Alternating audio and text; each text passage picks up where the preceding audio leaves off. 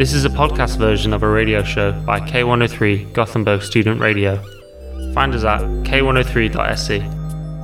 Due to copyright, the music is shortened. Hallå, hallå och välkomna tillbaka till Gamlaste Nytt. Tjabba tjena hallå, vi säger så. Avsnitt- Tjabba tjena hallå, tjabba tjena. Vad var det för banger nu igen? Det var Shabba Tjena Hallå med, Med? Rasmus. Var det han som gjorde Hej Hej Monica som gjorde den? Nej, Tjena Hallå, inte det Nico Nilla eller Mikko Moje eller något Jo, sånt det är ju. Nico, det är det ju. Det är ju gammal eh, barnklassiker. För de som inte vet om men som känner till eh, Wahlgrens värld idag så hade Pernilla Wahlgren och Niklas Wahlgren, bröderna, man kanske känner till Niklas. Han är radiopratare nu men varit med i Let's Dance och sådär tidigare. Och deras Mm, fast Molle var väl inget syskon till dem, han hade väl ingenting med dem att göra, han var väl bara en polare till Niklas va? Hette han inte Moje? Moje, Nico och Nilla då, de hade ett barnprogram tillsammans med den här Moje som hade väldigt lockigt hår. Ja, På TV3 tror jag det var va? Eller fyra kanske var. ja eller på bara Bo- Bolibompa känns det som att det gick på. Och de sjöng lite tralliga låtar och "Nja, så att det-" var topp. skulle låtsas vara barn fast de var typ 25. Ja, det är lite obehagligt. Ja, så här i efterhand. Men ja, Nog Men- om Pontus Rasmusson. nog, nog exakt. Han skulle, han, det är hans våta dröm att rodda det programmet nu, jag tar Oh, över ja. efter dem. Oh ja, oh ja. Vem skulle han ha som sidekick då? Aniston Demina och Pontus? Åh fy. Ja, men jag hade kollat. Ja, jag med. om jag var ett litet barn. Eh, nej, men uh, vad... Det är avsnitt 14 vi spelar in. Mm. Jag heter Bertil. Jag heter Rasmus. Det här är Gamlaste Nytt. Det här är Gamlaste Nytt. En podcast om eh, populärkulturella fenomen och händelser eh, där vi har då brasklappen att vi kan vara väldigt sena på bollen på grund av vår programnamn. Så att eh, förvänta er inte bara nya spaningar i den här poddshowen eller vad man ska säga. Nej, det kan komma gammalt. Jag Som kan, idag faktiskt kommer det komma gammalt. Ja, det är både nytt och gammalt till och med. Mm. Eh, jag tänker vi kan bara kickstarta igång det här med att eh, jag var faktiskt iväg och kollade på Avatar alldeles Du har nyss. det, ja. Ja, Mm. eh, inte den första, det hade varit för gammalt. Det hade varit. Ja. Du hade allt, men det finns, det kommer jag alltid ihåg när man var liten och sådär också att eh, vissa kompisar, och det här blir inte, det här kommer låta hemskt nu för det kommer låta som att det är klassförakt och sådär att ja, jag hade det senaste spelet men min kompis hade det inte. Men jag vet att det var att även när man var tonåring att det var vissa som envisades med att spela typ Elder of Scrolls Morrowind, alltså när Skyrim hade kommit. Ja, De skulle vara lite sådär subkulturella och coola. Det var coolare att spela det gamla spelet än att spela det nyaste spelet. ja. Nej, men det är riktigt där är jag inte, utan jag, jag, kan, jag kan tänka mig att kolla på den nya Avatar. Ja, så det var inget liksom ett avståndstagande från din sida att du bara fan nu ska jag se Avatar men jag ska se 2009-versionen på bio. Kom den ut så? Är det så länge sedan? Jag tror det var 09 den kom första. Ja, herregud. Mm. Ja, Men nej. och du såg i alla fall eh, nya Avatar då, var 3D, inte 3D, IMAX, inte IMAX, hur såg du den? Eh, ja, det, det är väl en början där. Vi, jag och min tjej var och kollade på det eh, och vi kollade på 3D och det var ju fruktansvärt. Tycker du det var jobbigt? ha på sig glasögon, då fick jag verkligen eh, det, nu är jag en gubbe-feeling, att man sitter där och blir åksjuk i biosolen. Åh Ja, fan. det, det inte 3D, jag rekommenderar inte 3D alltså, det var fruktansvärt. Nej men jag såg den i 3D också faktiskt på, på IMAX. Mm. Eh, Gjorde ni det också, den här dyrare versionen? Nej, nej. Nej. det var eh, fattig, fattig versionen. nu blir jag den här klass, klassföraktet igen här som jag precis fick upp för i början. Ja. Nej men eh, jag vet inte om det hade gjort någon skillnad egentligen men jag har ju också alltid varit kraftigt motståndare till 3D. Det enda gången jag tyckte det var bra var just på första Avatar. Ja. Sen har det varit mycket så här skräckfilmer när någon vet, ska kasta en yxa i slow motion och sånt. Det liksom inte till för någonting alls. Men jag måste ändå säga att jag blev eh, positivt överraskad av 3D just i Avatar faktiskt, den nya. Ja, jo, jo, alltså själv, själva, det kommer man väl inte undan att det är ju fantastiskt snyggt gjort. Ja, det, det är inte så här flashy utan det är mer så här mer att man kommer närmare och sådär på något vis. Ja, Men det, jag håller med om att glasögonen är väl, är vi inte längre fram än att vi måste ha på sig sådana jävla glasögon fortfarande. vi måste ha kommit längre. Ja, jag tycker det med. Men, ja, du har också sett eh, Avatar 2 va? Japp. Eh, vad var din eh, så rating, eh, 1 till 10? Mm, jag eh, så här är mitt förhållande till av alla hans Camerons filmer egentligen, möjligtvis med undantag för andra Alien-filmen som jag tycker är jättebra. Och det är det som är poängen lite också, för att jag tycker typ både Titanic och första Avatar och den här nya är inte är bra filmer, men jag blir berörd av att se dem. Okej. Förstår ja. du vad jag menar då? Alltså, jag, jag skulle ändå, jag satte ändå en 8 av 10 i betyg på nya Avatar. Oj. Fast storyn är jättegenerisk. Det är typ en kopia av första filmen och karaktärerna gör saker ibland som är helt orimliga. Men världsbyggandet och liksom att den får mig hela tiden att känna grejer, att jag, jag är liksom intrigued, jag tycker det är spännande, jag vet inte riktigt varför jag gör det, men jag gör det, Ja, tar ja. över. Samtidigt är också i mitt tycke, hans filmer kanske, de, man ska inte se dem fler gånger för då blir det lätt att, ja men då får du inte den här första liksom Nej, kärleken och då ser du bara bristerna på ett annat sätt. Så en 8 av 10 satte jag ändå, nej. men Det du, ganska högt. ja, du då? Nej, jag, jag är nog närmare 6 av 10. Mm. För jag köper ju, det är kul med världsbygge, det är kul med att se de här nya avatarerna som har tjockare svansar och grejer. Ja, Och jag tyckte att det var jävligt kul med de här talande valarna. ja, Det var ju toppendel. De har alltså ja, valar som åker runt i havet som pratar med avatarerna då. mm. Med sitt sånt eh, val, val, ja, valspråket. ja, Och att de har dialoger som är textade. Mm. Det, jag gillar ändå tanken på vem som tyckte det, det var en bra idé. det lät som en rolig grej. Ja, eh, men det saknar ju själva story. Det finns ju en story, det, det kommer man inte undan. Det är ju en story, men det är ju ingen bra story. Det finns ju liksom ingen det finns ju ingen handling som går utanför att den stygga generalen jagar den snälla avataren. Nej, och det blir ju lite dumt också när första handlingen i första filmen var precis likadant. Att det var den stygga generalen, samma stygga general som jagade samma goda avatar. Ja, och det finns liksom ingen poäng varför han skulle fortsätta jaga den här avataren. Hämnd. Ja, Och något, någon luddig förklaring till att det finns fler bra, dyra resurser där då igen. jo, men varför skulle de fortsätta jaga han? Nej, nej, det kan man eh, gott undra. Eh, Så det faller ju ganska mycket på att det är en elak gubbe som jagar en snäll kille. Men i en avatar Avatar. låter vi kanske, Ja, fast det vet jag inte som det är en spoiler egentligen, för det tror jag de går ut med i typ trailern och sånt. Ja. Men, ja det gör de nog. Men jag måste ändå, eh, jag vet inte vad man säger, jag måste berätta sanningen här. Jag har ju själv eh, casually sagt att jag har sagt att Avatar är en, eh, någon rip-off på Pocahontas. Ja, det vet jag. Som enkel kritik mot eh, Avatar liksom. Mm. Det är enkelt att vara på den sidan och det är enkelt att vara den som inte tycker att Avatar är bra. Mm. Men jag har ju faktiskt inte ens sett Pocahontas, jag har ingen aning Nej. om det är en kopia eller inte.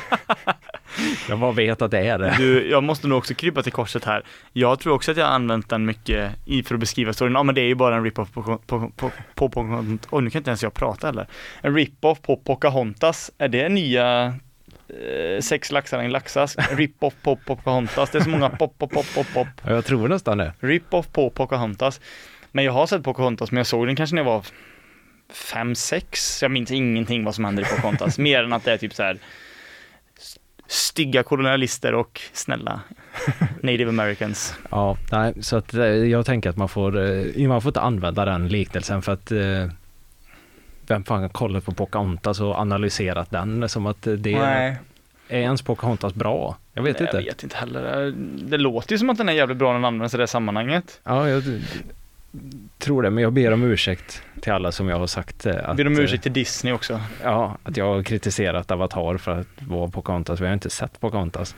Nej, jag, jag blir lite besviken. Jag, nej fan, det, det, jag, jag såg inte den på premiärdagen, men man hade ändå förväntat sig lite mer cosplay, för det känns ju som en film som folk skulle kunna cosplaya till. Ja, jo. Men jag har inte, så, jag har inte sett någon avatar-cosplayare på stan eller i salongerna överhuvudtaget. Inte ens bilder på det, så att jag vet inte, hände det då? Eller- Nej, jag vet inte. Nej. Jag, har inte nej, jag har inte heller sett något. Folk kanske har lagt av med det. Ja, det är slut med cosplay. Jag kommer däremot ihåg när jag såg Suicide Squad, vilket man tänker, ja det här är ändå superhjältar, men det har det varit så jävla mycket på bio nu så att det är väl ingen som cosplayar på denna. Alla cosplayar. Nu, Tio, minst tio Harley Quinns var det. okej, nu, nu lägger du upp eh, Smash-läget här när jag var och kollade på Detective Pikachu. Just det, Där var det cosplayers. det var cosplay. Ja, det var ju den bästa typen av cosplayers med de här eh, 40-åriga gubbarna som var utklädda till Pikachu lite så. 40-åriga gubbarna som utkallade till en 10-årig Ash Ketchum. det, det är en syn att se Ash Ketchum med, ja, lite plufsig sådär och glida in. Ja. Som en sån, eh, sån kåkfare som driver turistturer på Cypern som jag var med om en gång när han skulle vara Captain Jack Sparrow. Så var han, man såg hur mycket rom som hade åkt ner i den där grekiska kroppen dagen innan alltså. Kommer ut där, liksom de andra styr och ställer som är lite piggare och dansar. Hans enda roll är att typ, ja, vara Captain Jack Sparrow då, men han är inte lik Captain Jack Sparrow. Han har sån butterikspirathatt på sig och så gick ju stor rökte bara. Ser bara lite sleten ut. Ja, det var gött. Ja, nej så eh, Avatar, jag, jag ser fram emot, det ska väl komma tre filmer till. Ja, jag fattar inte hur de, det är som med Sagan om ringen-serien, utan att gå in på den närmare, när man säger så här, ja det kommer fem till, fem säsonger till. Ja. Man bara, hur fan ska de lyckas få med det? Nej, det kommer nej, alltså jag vill inte se mer Avatar nu. Ja men vad ska de, jag läste det, en eldavatar är då i nästa. Ja, Men är det, är det han, ja nu kan vi inte spoila då men, ja det, är det det som är grejen då? Att det är lite olika element, och då finns det ju fyra. Nu är det ju vatten i det här och de är skogsfolk då. ja, Och så är det vind då sista. ja, men är inte de vindfolket ändå? Skogsavatarerna känns som att de lever högt uppe och flyger drakar. Det måste väl vara vindfolket eller? Ja, de, men, men Earth, vad gör de då? Eller tänker jag fel här nu? Fyra elementen är det väl, är det vind? Men skog är i alla fall inte ett element eller? Men Earth är väl det, inte det? Jo. Ja. jo Skog, ja du tänker så ja. Ja, du tänker att det då kanske är någon sån här lite mer kargare landskap de bor i, något bergslandskap då på något vis. Tundra-avatarer. Ah, just det, vad var de? De har ingenting spännande. Fan vilken tråkig eh, film det blir. Tundra avatarerna. De har sådana hyperteknologiska borrmaskiner som, som, som grävlingar som kan borra sig ner under marken bara. Okej, men det kommer ju hända att det är mullvads-avatarer. Ja, ja, ja, ja, ja. Ja, Sista, sista, sista filmen är Mullvadsavatarerna. det kommer hända. Det kommer hända. Nu spaning igen. Kommer ni ihåg vad ni hörde det först? Mullvadsavatarer. Mhm. Avatar 4. Mullvadsavatarerna. Japp. Nej, men jag lovar ju i, idag att det skulle bli mycket gammalt eh, innan och vi tänker, jag tänkte faktiskt börja med vä- en väldigt gammal, inte nyhet kanske, men en gubbe. En gubbe. Ja, det är nämligen så att världens nu äldsta professionella fotbollsspelare är klar för en ny klubb. Okej, vem är det då? Eh, han kallas för King Kasu. King Kaso? Kan du då gissa eh, var han kommer ifrån? King Kaso. Det Det är, svårt. Om han inte kommer från Kongo-Kinshasa då? Det är ingen dålig gissning. Han heter eh, Kayush, eh, Kayu, Kazu, Kazuyoshi Miura. Ah, nej, jag känner inte han. Han är en jappe. Ah, ja. Han är 55 bast i alla fall och lånats ut nu från Yokohama FC och ska ut på ett nytt proffsäventyr här sent i karriären. Oj, vad spännande. Ja, det hade varit något ändå om eh, någon sån typ klubb från Mark signar honom, men han är tydligen för bra för detta, för han är nämligen klar för en, en klubb i Portugal, Olivernese, i andra ligan, vilket ändå är ganska hög nivå för en 55-åring. Han är alltså, ja det är, ja, 55 bast alltså. Det är gammalt att spela fotboll. det är jättegammalt. Men då började jag tänka lite för att, ja ja, det är ju, kan ju vara kul att se att han är gammal och spelar fotboll, men då blev jag bara lite nyfiken på liksom ålder och idrott, den kopplingen. Mm. Alltså hur länge håller folk på? Och då får man ju givetvis ta i åtanke att vissa idrottare är ju mindre fysiskt utmanande än andra. Mm, vad menar du? Jag menar exempelvis här att eh, den äldsta svenska deltagaren och medaljören i ett OS är en levdu lerduveskytt. Ah, ja, ja, ja. Den, ja, det kunde man ju gissat. Ja, det kunde man. Jag visste inte ens att lerduveskytt för, lerduveskytte för det första har varit en gren i OS, för det andra ens är en sport. Nej. Men det är det tydligen, eller var tydligen i alla fall. Ja, men det är väl häftigt. De är jätteduktiga på att skjuta snabbt. Ja, det är de. Ja, det har ju vi till och med provat. Ja, Ja, och jävlar vad vi ju pangade på. Ja, man hade lite träningsvärk ändå i axlarna sen dagen efter. Så att det fan. Nej men då var den här Oskar Svan i alla fall, eh, som var 64 bast när han tog guld då i lerduveskytte i OS. Eh, tror att det var 1912 och sen 1912. 1912. Okej, men då är det ju en bedrift att vara så gammal. det är sant. det tänkte jag inte ens på, men det är klart det är. De, han var bara, han var äldst, äldst i Sverige och den äldsta OS-medaljören i det var bara han som levde som var så gammal. Ja, han blev ännu äldre sen. 2020 så var han den äldste deltagaren, svenska deltagaren någonsin, med 72 bast. Jaha. Nej, 1920, inte 2020. Ja. För då hade han varit ex extremt gammal. Ja, jag tänkte nu hänger det inte ihop längre. Då hade han varit, vad hade han varit då? 100, det blir 108 år, så att han hade ju varit fan 174, 172 bast. Det är ju en landslide på åldersvinst då i alla fall. Ja men då tänkte jag så här, okej, det där är ju ändå så här, okej, det är ändå kul att han är så gammal, men då tänkte jag det måste ju finnas roligare exempel, alltså 72, 64 visst, men det är ändå ingenting riktigt än. Nej. Men då kom över den äldste fridrottaren någonsin. Mhm. Och då har jag ändå till, jag vet inte om du känner till det här, men en Stanislav Kowalski, Kowalski. Okej. Vad, vad tävlar en han i då? Eh, han tävlade i, i, tror att det var, det var nog inte ett OS, men han var i alla fall 105 år och tävlade i den ny, då nyligen eh, uppstartade någon sån här M105 åldersdivisionen. Va? Där de tävlar i sprinting, eh, ja, något skju, någon skjutgren och diskus. Åh jävlar. Är inte det livsfarligt att vara 105 och kasta diskus? Jo. Men det, det, det är ju det är en specialvariant av OS för 105-plussare. Jag vet inte ens om det var OS, men han, han, han, han är i alla fall inofficiellt den äldste typ idrottaren, för det finns väl vissa kriterier så här att Ja, men menar, det är klart du kan ju säga en 110-åring på ett ålderdomshem kan du få slänga en fotboll i knät på den personen och säga ja här har vi den äldste idrottaren. men det måste vara någon i tävling på någon tävlingsnivå ja, liksom. Jo, jo, jo. Ja, Men absolut. ändå, kan du, kan du tänka dig en 105-åring står, du vet, man ser ju så här de kraftpaketen som ändå kastar diskus, alltså Daniel Ståhl och du vet de Ja, här. jo. De, de, det är ju liksom, det är ena jävla, jävla stycke människa alltså. Ja, det är många kilo på dem. Och så tänker du det är en ragglig 105-åring i den buren. alltså diskusen måste ju väga mer än vad han gör. Ja, minst. Fan. Hur fan ska jag lyfta den diskusen? Nej, ja, man har ju sett 105-åringar, de är ju inte... Det är ju liksom, de är ju närmare döden än, En diskus. än diskus. Men jag tänker samtidigt så här, om hon Dagny, may she rest in peace, Ja, drev en blogg när hon var 103 så kanske Stanislav kan kasta en diskus när han är 105. Ja, ja, det kanske är sådana lätta smådiskus. Ja det kanske är sådana du vet som man får typ, man kan köpa, som man kan köpa till barn för så här 29 kronor utanför Maxi. Du får någon sån här, något kit med typ en sand, en spade och en sån, eh, Ja, ja. Eller sådana godis, eh, flygande tefat. just det. Han, någon har sagt till han i buren så, Stanislav om du kastar den här nu så får du bita i den och få det sy- sötsyrliga som är inuti. så det är belöningen. Han sitter så, "Åh." Stackars Dan. Ja, ja. Nej, det var bara en liten observation jag gjorde. I, människor blir gamla och idrottarna de blir gamla nu för tiden tydligen. Ja, kul för Stanislav och människor. Mm. Ja, jag hörde på AMK morgon, en podd jag lyssnar på, att de har släppt en Vice-dokumentär om eh, Andrew Tate. Eh, och jag blev jävligt sugen på att kolla på det här. Och den finns tydligen på SVT Play, så jag kollade faktiskt på den här dokumentären. Oh, spännande. Han har ju varit i blickfånget nu det senaste får man säga ändå. Ja, och jag, han är ju en, eh, en karaktär, eh, snällt sagt. Ja, to har, put it mildly. som har flugit mig helt förbi. Jag har inte hört någonting om han nu precis innan han blev eh, väldigt i hetluften där man åkte dit för trafficking och ditten och datten.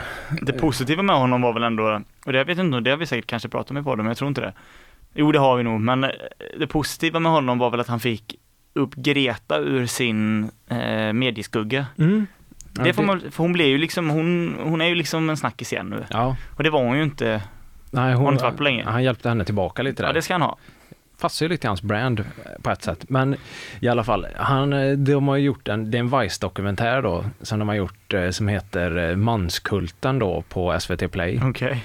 Eh, jävligt bra, det är 40 minuter, det är väldigt lättsmält. Är det, bra. Det är mycket bra. Ja. Och så som Vice jobbar, jag har inte kollat jättemycket Vice-dokumentärer, men de går ju liksom in i eh, fenomenet. De hänger ju med Andrew Tate, de följer med på hans eh, grejer och liksom studerar inifrån ganska de tar mycket. väl ganska, jag vet inte, jag, Vice-dokumentärerna är ju kända, jag har inte heller sett för mycket för dem. Är- tar de mycket plats som dokumentärfilmare eller är mer, är de mer den här flugan på väggen? Ja, eh, men mer fluga på väggen liksom. De glider runt och försöker prata lite med folk och ja, prata med Andrew Tate, försöker få honom att svara på frågor typ. Ja, okej. Och det är liksom en skön kille som är med ändå. Ja.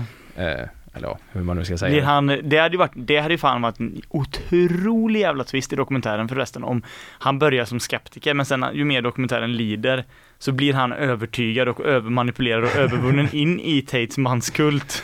Ja, nej, men den vinkeln blev det inte. Nej, även, även om det hade varit jävligt kul om Mm. det blev så. För han går ju in och är med dem och får se Andrew Tate visa runt sina coola bilar och Mm. Andrew Tate har ett stort svärd hemma som han visar för eh, Såklart han har. att man måste ha ett svärd. Han kan inte ha det. Ja, han, måste, han, han kan inte inte ha det så att säga, han måste ha det. Han måste ha det. Eh, och eh, det som är, alltså Andrew Tate han är ju, de är ju inte jätte freedom of speech eh, när man väl är inne där för att eh, han, eh, Vice-reporten blir ju konstant övervakad och liksom runtforslad av Andrew Tates, Crew. ja, typ vakter eller något. Jaha, han får inte gå och se och göra som han vill helt enkelt. Nej men de måste typ vätta personerna som han ska prata med hela tiden. Att du får prata med han, men du får inte fråga han någonting och sådär. Jaha. Så måste förbereda med frågorna hela tiden. Eh, Så det var första delen som jag tyckte var jättekul, för de här vakterna hade de mest incel-namnen jag någonsin hört i hela mitt liv. Okej. De har ju liksom alias då, de har inte deras riktiga namn. Vill du bara slänga ur dig de mest Andrew Tatea namnen på vakter du kan tänka dig?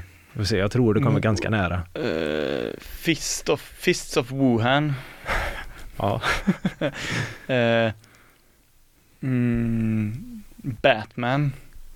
Ja det, ja, det är inte så jävla långt ifrån, men den första vakten som eh, liksom övervakar honom heter Alpha Wolf. Ah, Okej.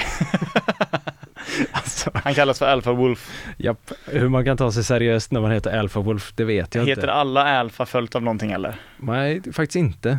Eh, och den andra vakten då när det skulle steppa upp lite för de... Heter Stig. Stig Bengtsson. Mm. Nej, men han hette Sartorial Shooter. Okej. Är, det, är det bara CS-namn de har tagit, sitt CS-namn de har tagit rakt av eller? Ja, men jag, det är det jag tänker, att de har liksom eh, tagit de här incel-killarna från källare och sen får man gå upp och så får man ha kvar sitt ja, gamingnamn. Ja, och då kan man låta den här liksom trafficking-verksamheten flyta på utan att någon märker någonting. Japp. Var Nej. tanken det så blev det inte riktigt. Nej, men de han fick ju en sån specialintervju med Sartorial Shooter, som Mm. betyder typ skräddarskytten. Mhm. Alla har liksom fina kostymer på sig som Ah, ser ut som en ja. skräddare liksom. Det är ju den typen av Det är viktigt att man, är, man presenterar sig på ett bra sätt som man, att man är ren och hel presentabel och liksom Your body is a temple, Allt your där. body and your mind, the connection between body and mind. Ja, Mm. Och han körde runt den här reporten i sin eh, jättedyra Ferrari jättefort och svarade på ganska bra frågor med ganska dåliga svar.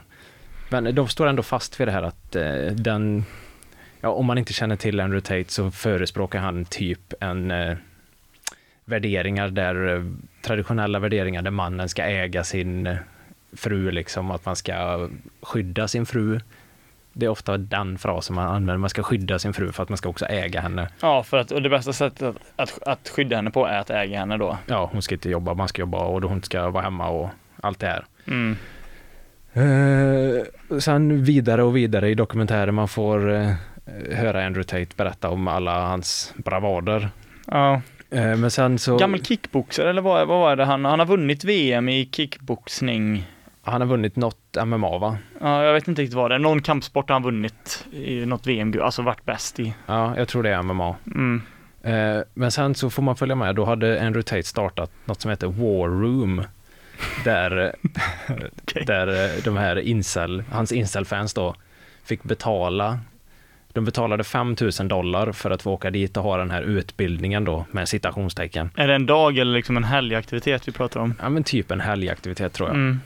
Eh, då får man ju följa med in, den här reportern då också sitter med där Andrew Tate eh, presenterade första aktiviteten då på War Room. Okej. Och så säger, berättar han för alla att okej, Eh, nu ska ni slåss mot eh, ryska MMA-proffs i ring.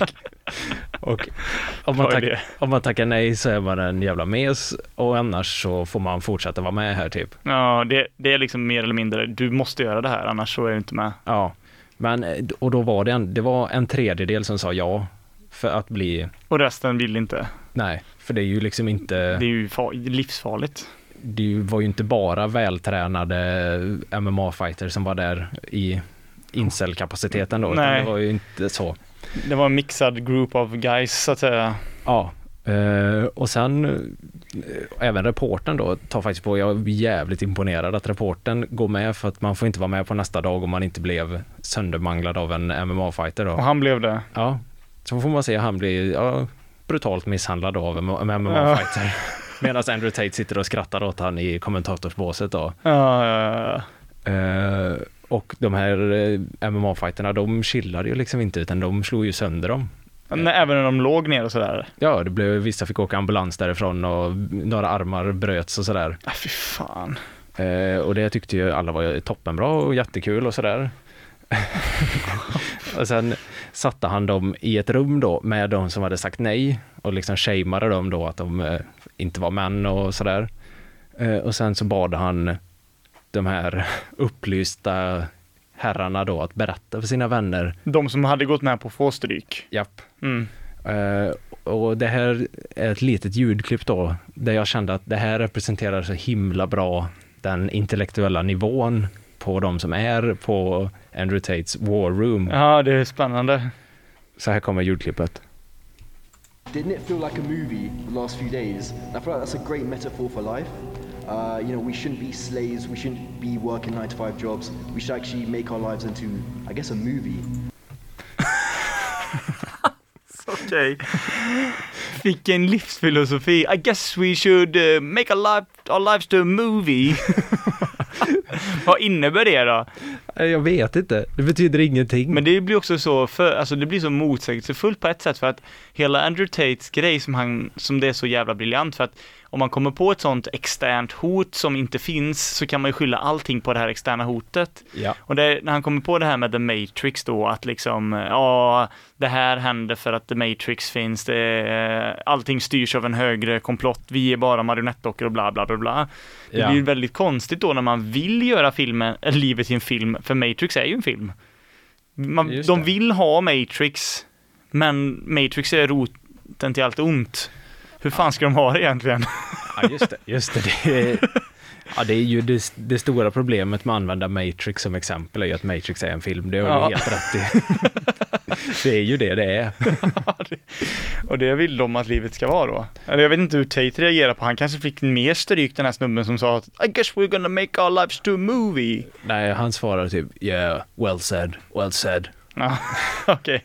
Okej, Matrix bara när det passar då, alltså. Ja, Okej, ja men det är bra. Eh, nej, men en fantastisk dokumentär för alla som vill eh, förstå sig på mer. Eh, den första 30 minuterna är jävligt underhållande för där får man bara se Andrew Tates, den här galna sidan där ingen kommer till skada som inte vill det och sen den sista 10 minuterna är om alla hans så kallade, eller så kallade, hans eh, våldtäktsoffer och folk som har gått ur med trafficking, alltså den, den vidriga delen av hans Ja. eh, grej liksom. För han, det var väl så att han, så, han sålde väl också så på nätet typ att eh, hur du som man kunde starta en liknande sån cam-verksamhet där du typ groomar och säljer tjejer typ. Ja, den delen är ju inte speciellt rolig att kolla på. Nej. Men den första det är 30 minuterna, där får man bara följa hans galenskap och vad, hur han håller på. Ja men alltså den här grejen med hans, det här Tales of Wuhan, att han liksom har varit någon sån han målar upp någon sån här kill bill, eh, att han har, att han har någon sån här sensei då, att senseien är typ gud och att han är lärjungen, sånt, ja, du vet så här,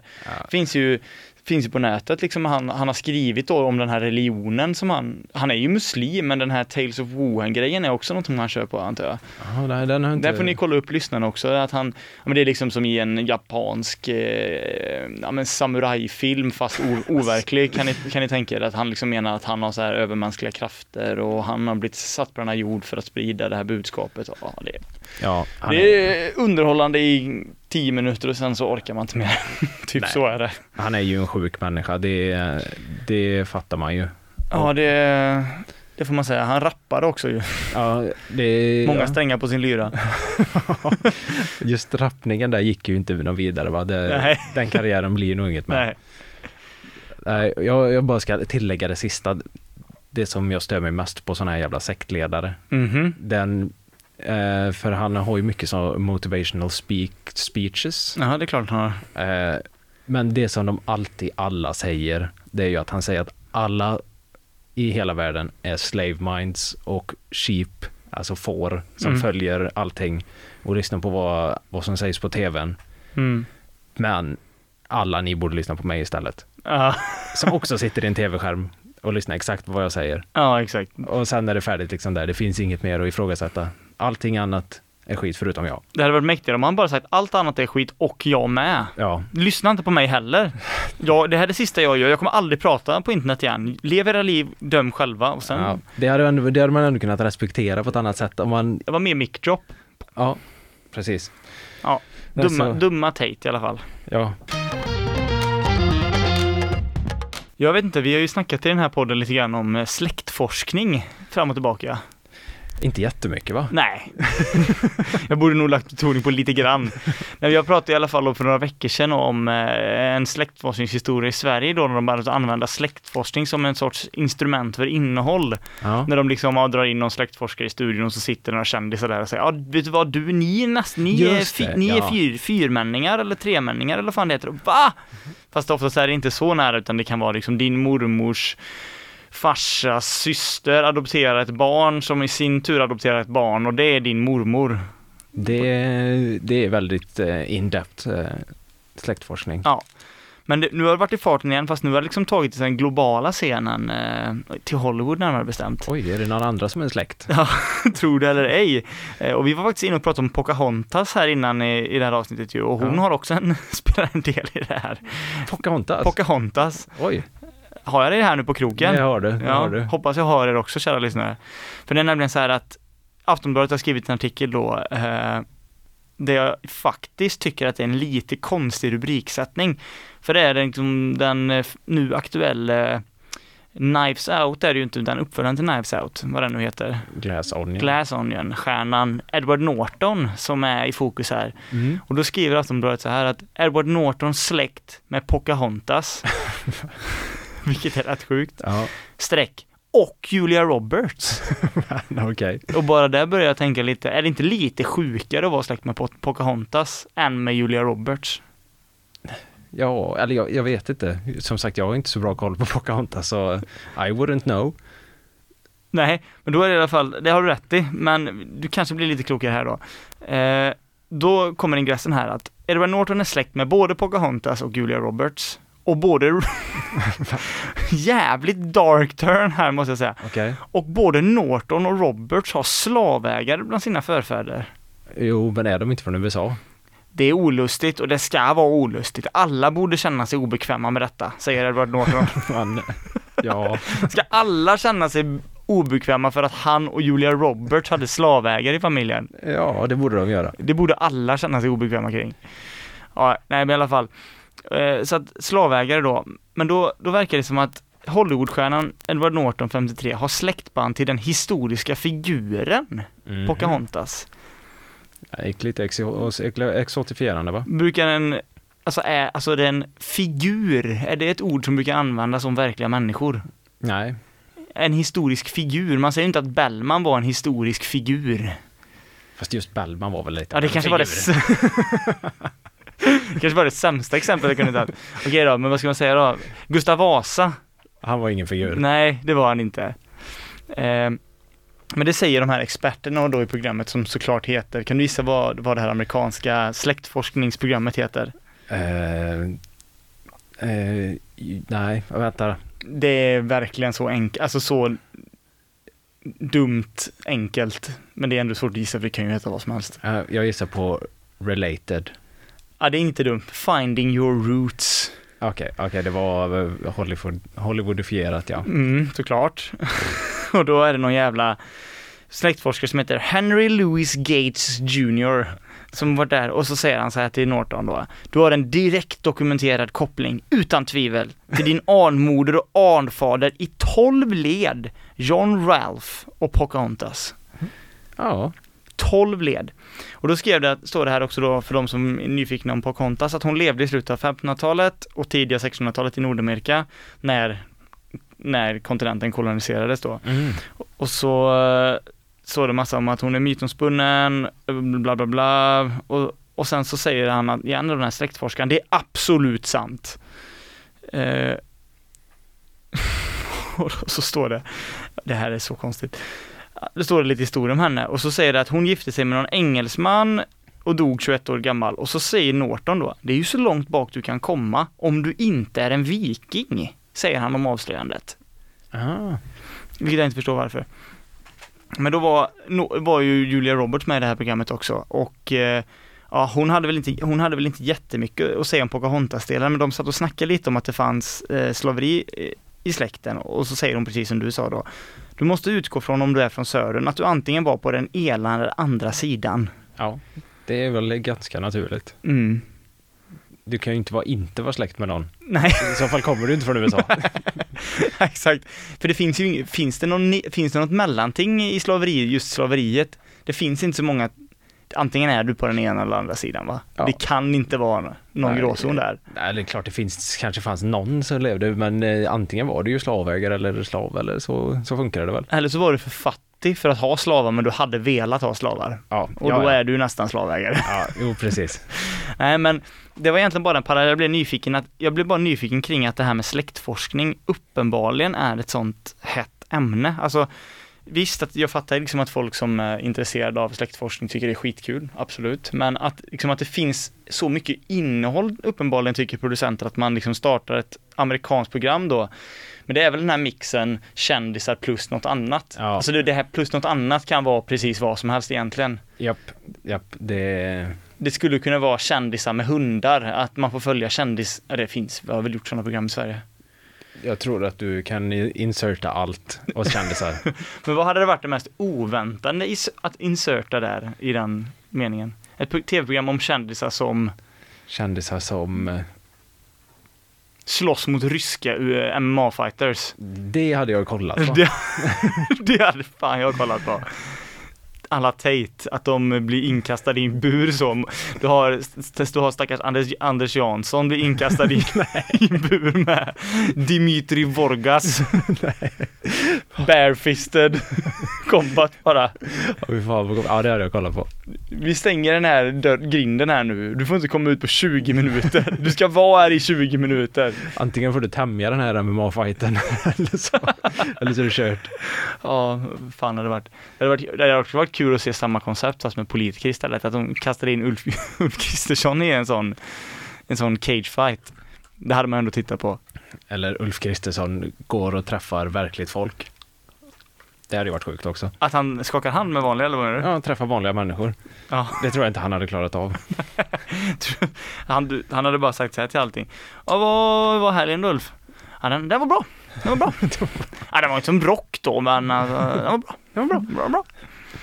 Ja, för, det var, eh, så att jag vet inte, jag vet inte vad jag tycker om de här släktforskningsprogrammen, men eh, de kommer väl fortsätta komma och det är bra för vår del för att alla de här kändisar plus någonting mer ger oss innehåll till podden om inte annat. Så att eh, mer, mer släktforskning och andra knasiga grejer. Ja, Helst eh, kändisar i en eh, UFC-bur dock, om jag får bestämma. det hade varit bättre. Mm. Det hade varit bättre. Pitchar vi till SVT här nästa vecka.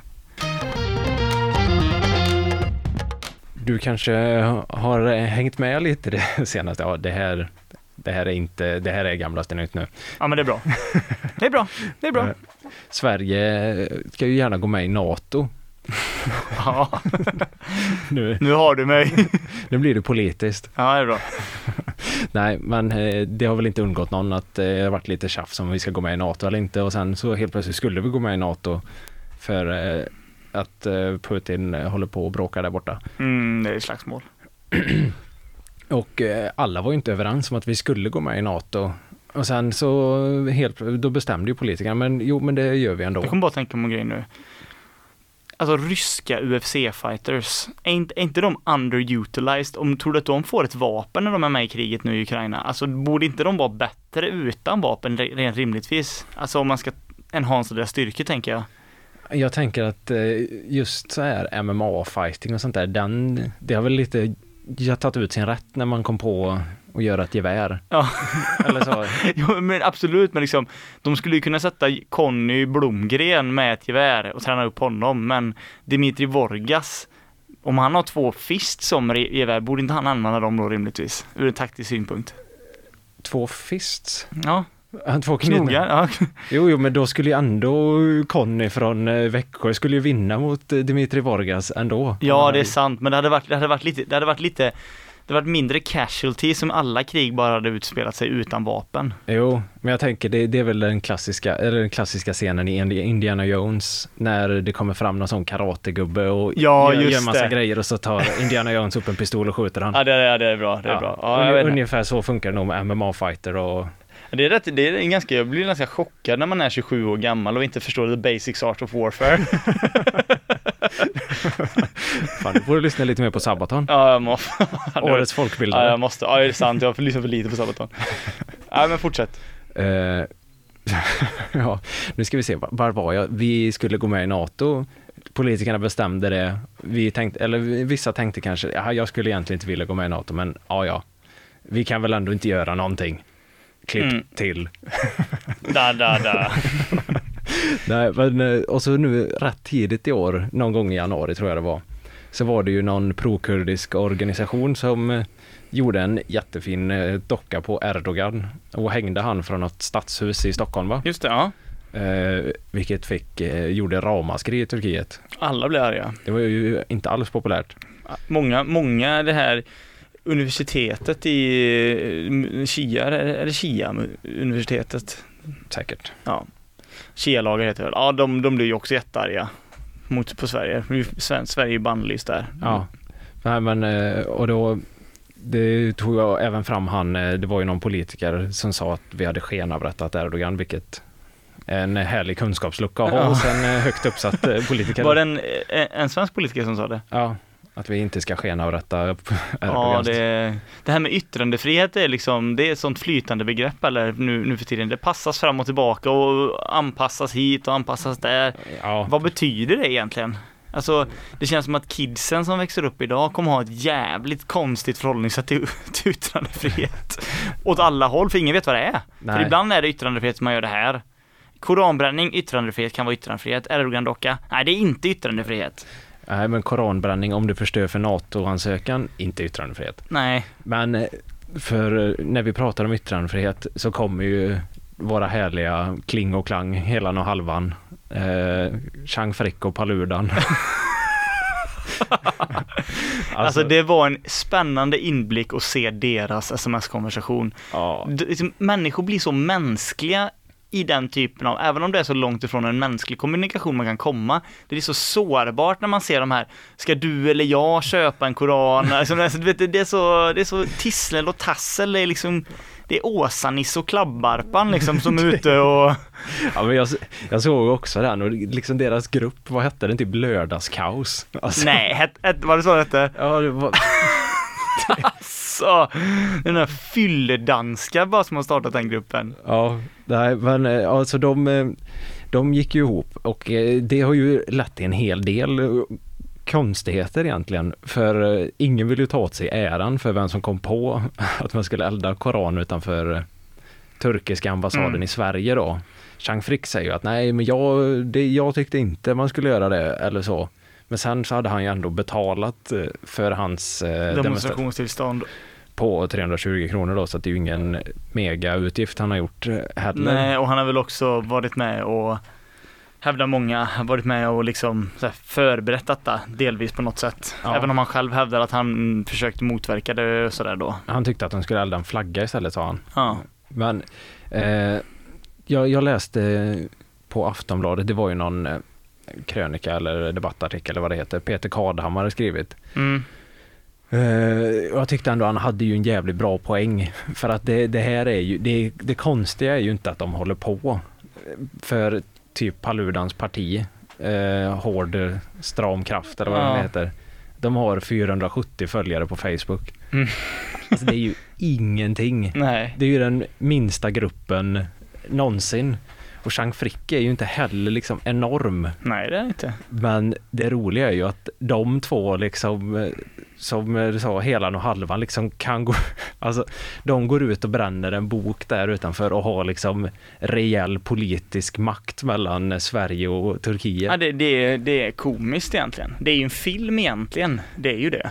Ja men liksom de två sitter hemma och köta lite vad de ska göra och så helt plötsligt så är de en maktfaktor i hela världen. Det hade ju varit lite kul också, alltså, ett, du vet om Erdogan skulle komma till Sverige. Vi ser att de har en massa ja, diplomatiska samtal och så blir det så här, nu ska han komma och så nu ska det hända grejer här i Sverige och kanske till och med skriva på ett godkännande av NATO-avtalet. Ja. Och så är det någon som har kuppat in en pruttkudde till pre- presskonferensen Ja, ja, och lagt under och han, alltså han skulle bli så kränkt. Alltså huvudena i, alltså i Sverige hade ju rullat, alltså folk hade ju fått, pressekreterare hade ju fått sparken liksom. Det är ju det som är det roliga, att det är liksom två clowner som driver. alltså, att, att inte liksom någon i politiken har att de har någon, de har ju ingenting om inte de kan eh, liksom säga att bryr dig inte om de två. Nej, Eh, kan de bestämma så mycket? Då har ju liksom Ulf Kristersson ingenting. men det är väl det, det det är väl det som är problemet när det är liksom har kommit till en punkt när Donald Trump, Erdogan, den här typen av personer är, har en sån hög, hög position i olika länder för att det, man, man tänker ju att man, att man rimligtvis, att Kristersson rimligtvis skulle kunna säga, men vad fan, som du säger, skit i dem eller vad fan, ah, och sen om han blir upprörd, men är du, på, är du på riktigt upprörd över det här? Det har, det har ju ingenting med våra länder att göra. Men det, men det går ju inte att föra den typen av samtal uppenbarligen med de här människorna för att de är så jävla dumma i huvudet. Alltså Ja. det, är ju, det är ju det som är problemet. ja, Eller att de är smarta då om, om han menar att Vissa menar ju att Erdogan använder det här som en strategi inför valet för att visa sig handlingskraftig nu. Det ska vara nyval i Ja. Turkiet, men, men ändå, alltså kom igen. Det är också en sån platt åsikt av mig att säga kom igen, höj nivån. liksom, om man kunde säga det åt allting så hade vi inte haft några problem i världen, men det här, Nej, det är, ja, jag vet, alltså det, jag håller med att det är liksom, det är liksom verkligheten slår knut på sig själv när Paludan och Chang Frick kan göra någonting som får den typen av betydelse. Ja, Och liksom- för, för Paludan, han höll ju ändå på här i Sverige. Han fick ju lite, han fick ju lite hit där och det var ju ändå bra respons på hans, eller bra, alltså han fick folk som hatade han när han eldade de första koranerna. Mm. Men sen typ fjärde, femte gången var man, alla bara så, men ja, ja, skitsamma liksom. Ja men folk ignorerar ju han, han, var, han åkte ju runt ett tag men det var inte, alltså det var ju ingen som brydde sig och, och, då, och då märkte man ju att den taktiken är bäst för då, slu, alltså, då slutade han ju till slut för det var ingen som kom dit liksom. Ja, men hur kul är det att stå och kolla på, alltså för övrigt, alla har ju sett Paludan, men hur kan man se ut så dansk? Nej. alltså om någon hade bett mig att måla en dansk gubbe så hade ju målat Paludan. Ja, antagligen. Men han hade ju, vet du, kommer du, om du kommer ihåg det, men det var ju en fylledansk som sprang in på plan när Sverige mötte Danmark i något EM-kval för 12 år sedan. Ja, Han såg också så här extremt dansk ut, men det där skulle kunna vara Paludan. ja, det skulle lika gärna, han skulle kunna dricka 10-12 Tuborg på två timmar och så bara springa in på planen liksom. ja. Oh ja, oh ja. Fylle-Paludan liksom. Men sen efter det här med att Chang Frick hade betalat hans demonstrationstillstånd så var ju han med i någon amerikansk tankesmedja att han skulle vara en rysk spion. Chang Frick. Ja, alltså att han liksom har fått eh, anklagelse att han skulle vara en spion åt Putin då. Alltså Putin väljer inte sina män väl i så fall alltså. Nej, jag tänker det också. Har någon kollat på Chang Frick eller varför skulle... Ja, det är inte spionmaterial va? Nej. Nej, om han hade liksom gått runt och valt i stan liksom, vem ska vi skicka till Sverige och ta dem? det, är det är inte de här tio psykopatiska iskalla lönnmördarna som kan liksom låtsas vara någon annan i tio år utan att Ja, rycka en, liksom i pannan. Men då har vi den mest instabila, emotionellt instabila människan i Sverige. som inte kan koncentrera sig på en sak mer än i åtta sekunder. Han är vår kille. De kanske är briljanta för de tänker ingen kommer misstänka han. Inte en enda människa kommer misstänka han. Nej, han, han är inte någon som blir stannad i tullen för att eh, för att de misstänker något. Han är ju någon som man typ godkänner gå igenom för att man fattar att han kan inte fylla i papper rätt ändå. Så Nej. gå igenom bara, gå igenom. Men han är så här, ljuger alldeles för uppenbart om att han har tagit med sig smuggelsprit från Tyskland. Och så har han gjort det så många som orkar inte längre bara ja, ja, tar du med dig dina. Men så har han inte vågat köpa för mycket. Så det är typ så här fyra smuggelflaskor bara. Så han bara, ja, jag tar, tar det bara, jag orkar inte. Nej men polisen stannar han för fortkörning, kollar in och bara, nej, kör. Ja. kör. Du vet inte bättre. Kör. Du fattar ju inte ändå. Kör bara. Det är ingen idé. Du är inte så farlig i alla fall, men eh, du kommer aldrig, du kommer aldrig gå till verkstaden och fixa dina blinkers eller vad fan som helst. Bara kör. Kör bort därifrån. ja, det kanske, kanske är det som är deras taktik då, att hitta någon som är så jävla som upplevs så harmlös och klumpig. Ja men ja, det är väl, ja, Dunderklumpen skulle väl Jean Frick kunna vara. Ja, Han skulle kunna vara barnfilm. Riks borde tjäna så jävla mycket pengar nu så de spelar in en sån bar, tecknad barnfilm. Propagandabarnfilm och då ska Jean Frick voicea Dunderklumpen. ja det, ju, det hade man ju gjort Ja. Ändå. Nej, Nej Chang Frick är en eh, jävla karaktär. ja men han, han var väl med i det här AFS, alltså Svenska för invandrare också var på SVT. Ja, inte AFS, men eh, Ja, ja det blir alternativ för Sverige. Vad heter det? IFS, IFS. Invandrare för, svenskar. så heter det ja. Ja, kul program. Ja, och jag såg också några avsnitt där på tips av dig och det var kul. Men han kändes, alltså det kändes verkligen, nu måste vi bara ha med någon här som har lite högeråsikter för att balansera upp detta. Oh ja, ja men lite så kändes det ju verkligen Så han är ju ingen komiker. Nej, han är inte speciellt rolig heller. Nej, Han är bara konstig. den här dunderklump-auran då liksom som de tänker ska vara lite sådär tramsigt rolig på något vis. Ja, men det är ändå sett en del lite konspiratoriska artiklar som anklagar han ändå för att vara en eh, lite åt spionhållet. Men han gillar ju det, eller? Ja, men de säger att han försöker spela korkad för folket så att man inte ska misstänka han. Eh, men den taken köper jag inte överhuvudtaget. Att Nej. han eh, har på sig sin Lidl-tröja och eh, hörselkåpor och försöker se eh, ut som en lurk och att det skulle vara en strategi för att komma undan med det här. Nej, då, då, i så fall är han ju, om det nu skulle komma fram belägg för detta, Ja, då är ju skämtet på oss alltså. ja det är det ju. Men den tar jag. Ja, den tar, det, det, det är ett skämt som jag tar. Ja.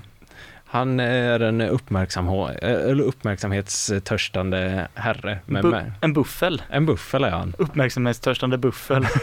Ja, det är fan i mig. Ja, jag vet inte. Vi har ju pratat lite grann om eh, program, inte så mycket kanske. Eh, men den här podden har det blivit mycket, mycket olika tv-program. Eh, och det här är egentligen inget segment eller någonting. Jag bara, tänkte bara fråga, har du, har du sett någonting om The Island Sverige? Ja, jag har sett reklam för det här. Ja, du har sett På stan eller? Är det den Lasse Kronér är med på? Ja, och jag har medvetet inte kollat upp vad det är för att jag du, jag blir glad att du har sett posters i alla Ja. fall. För att vad fan är det för någonting? Vad, vad, är, det, är, det, är det bara så enkelt att de ska överleva på en ö? Är det Robinson fast utan tävlingar med kändisar? Eller vad är det? Vad är det? Vad tror du det är för någonting? Ja, det skulle jag tro att det är det. Eller jag, har- jag har ingen aning, men jag tänker att det skulle vara någon expeditionsliknande, att de ska ta sig någonstans på en ö. Men eh, det, det tror jag också. För kände du igen någon av de andra kändisarna som ska vara med i det här programmet? Nej, Utom Kroner. Nej, det gjorde jag faktiskt inte. Jag tror, för jag, jag, Alexandra sa att en av dem var Linda Pira. Ja, Och eh, han har man ju hört eh, någon hiphop-låt med, har jag gjort i alla fall. Men Ja. alltså av de andra kände jag inte igen någon. Nej, jag tänkte att det här är nog inte för mig när jag såg den posten. Fast jag, jag blev, alltså det sög ändå till. Alltså se så här, Lasse Kroner i ett sårbart tillstånd. Du menar efter metoo-hösten? ja, vi har redan sett han i sårbara tillstånd. jo. Men hur blev det med han i metoo egentligen? Alltså, nej, men det... vad var, var det kl- kladd, vad, eller vad var det som hade hä- hur, Vad hände och hur, klar, hur klarade han sig allt det här? Han, måste ju var- ha överlevt då eftersom att han är med i tv-program, Han är oskyldig. kändismässigt. Han är oskyldig. Ja, han, det blev nedlagt liksom.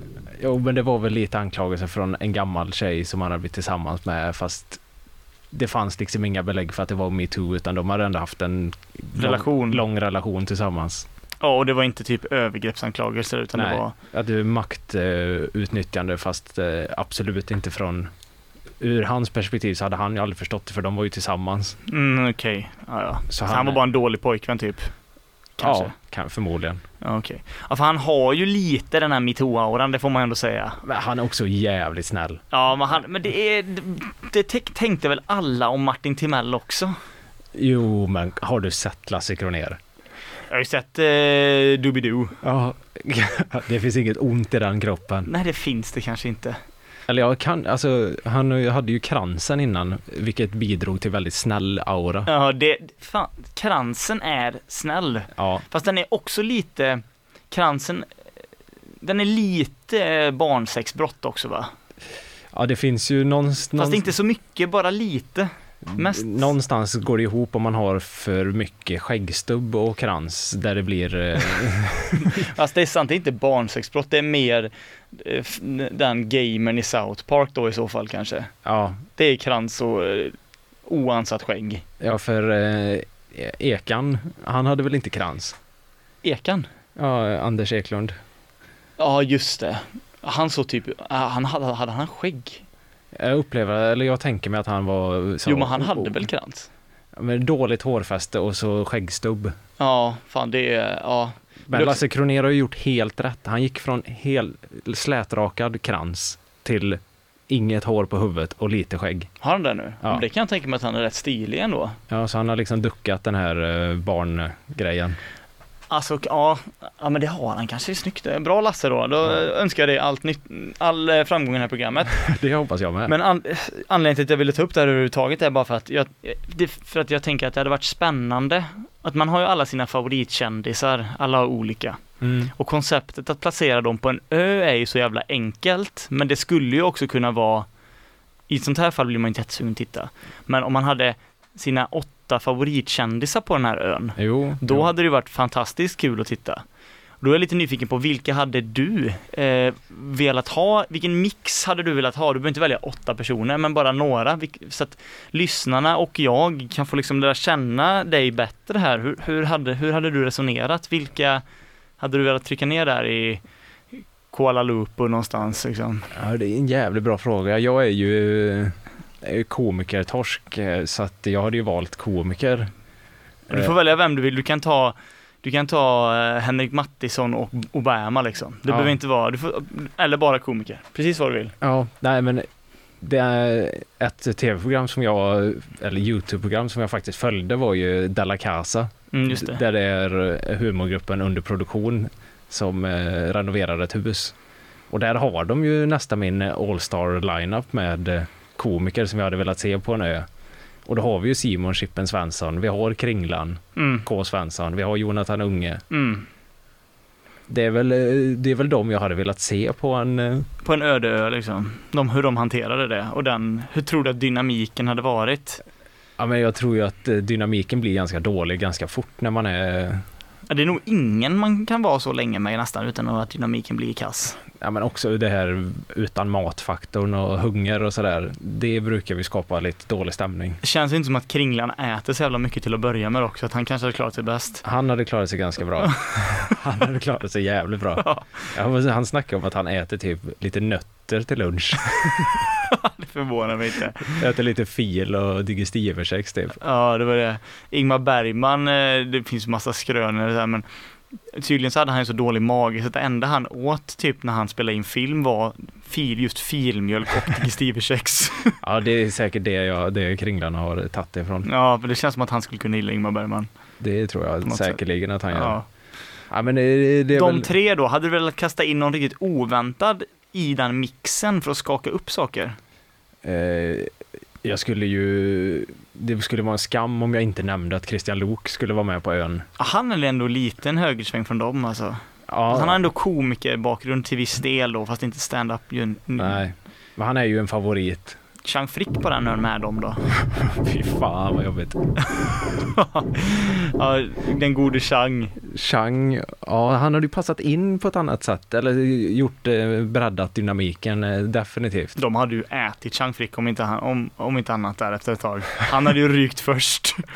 Han har nog några bra bitar på sig. Fast han är nog säkert också så här, om han nu är rysk spion så kanske han är bra på typ kampsport eller någonting i smyg också. Så han kanske hade, de andra kanske hade rykt först. Han kanske är bra på att göra upp eld och sånt. Ja, det är sant. Det Han behöver man ju ha någon. Ja, för det känns också som att han är lite så här lätt, eh, nu har inte jag sett Last of Us, men lite så här prepper. Han har lite så här prepper-vibe också. Han liksom vet, kan liksom Ja, sådana saker. jo, han har säkerligen konserver och grejer hemma. det har du helt rätt i. Han vet hur man gör. Ja, Ja men det hör ni då. Ni kan ju fundera på om ni skulle ha ett, eh, lyssnare, om ni skulle ha det här tv-programmet eh, i era händer och fick välja liksom en mix på ett antal kändisar, vilka ni hade placerat där och varför då, och, och skicka till oss på Instagram då så kan ju vi prata om det kommer in några roliga förslag här framöver. ja. Nej, men jag, nu vet jag en till. Tom Ja. Sjöstedt skulle jag vilja ha med. Han är ju för jävla god. Ja, det, jag, gillar, jag gillar den mixen. Jag hade kollat, jag hade kollat. Ja. Ja, då är det dags att eh, knyta ihop den här eh, säcken för idag va? Ja, det har zigzackat sig fram, men nu är vi här. Nu är vi framme i mål. Ja, och har du något mer att tillägga i dagens avsnitt eller ska vi hålla lyssnarna på halster tills nästa gång vi ses? Det ska vi göra. Vi ska hålla dem på halster. Det ska vi göra. Men då har vi bara en sak att säga va? Ha det gött. Ha det gött. Hej! You've just heard a podcast version of a radio show by K103 Gothenburg Student Radio. You'll find all our shows at k103.se.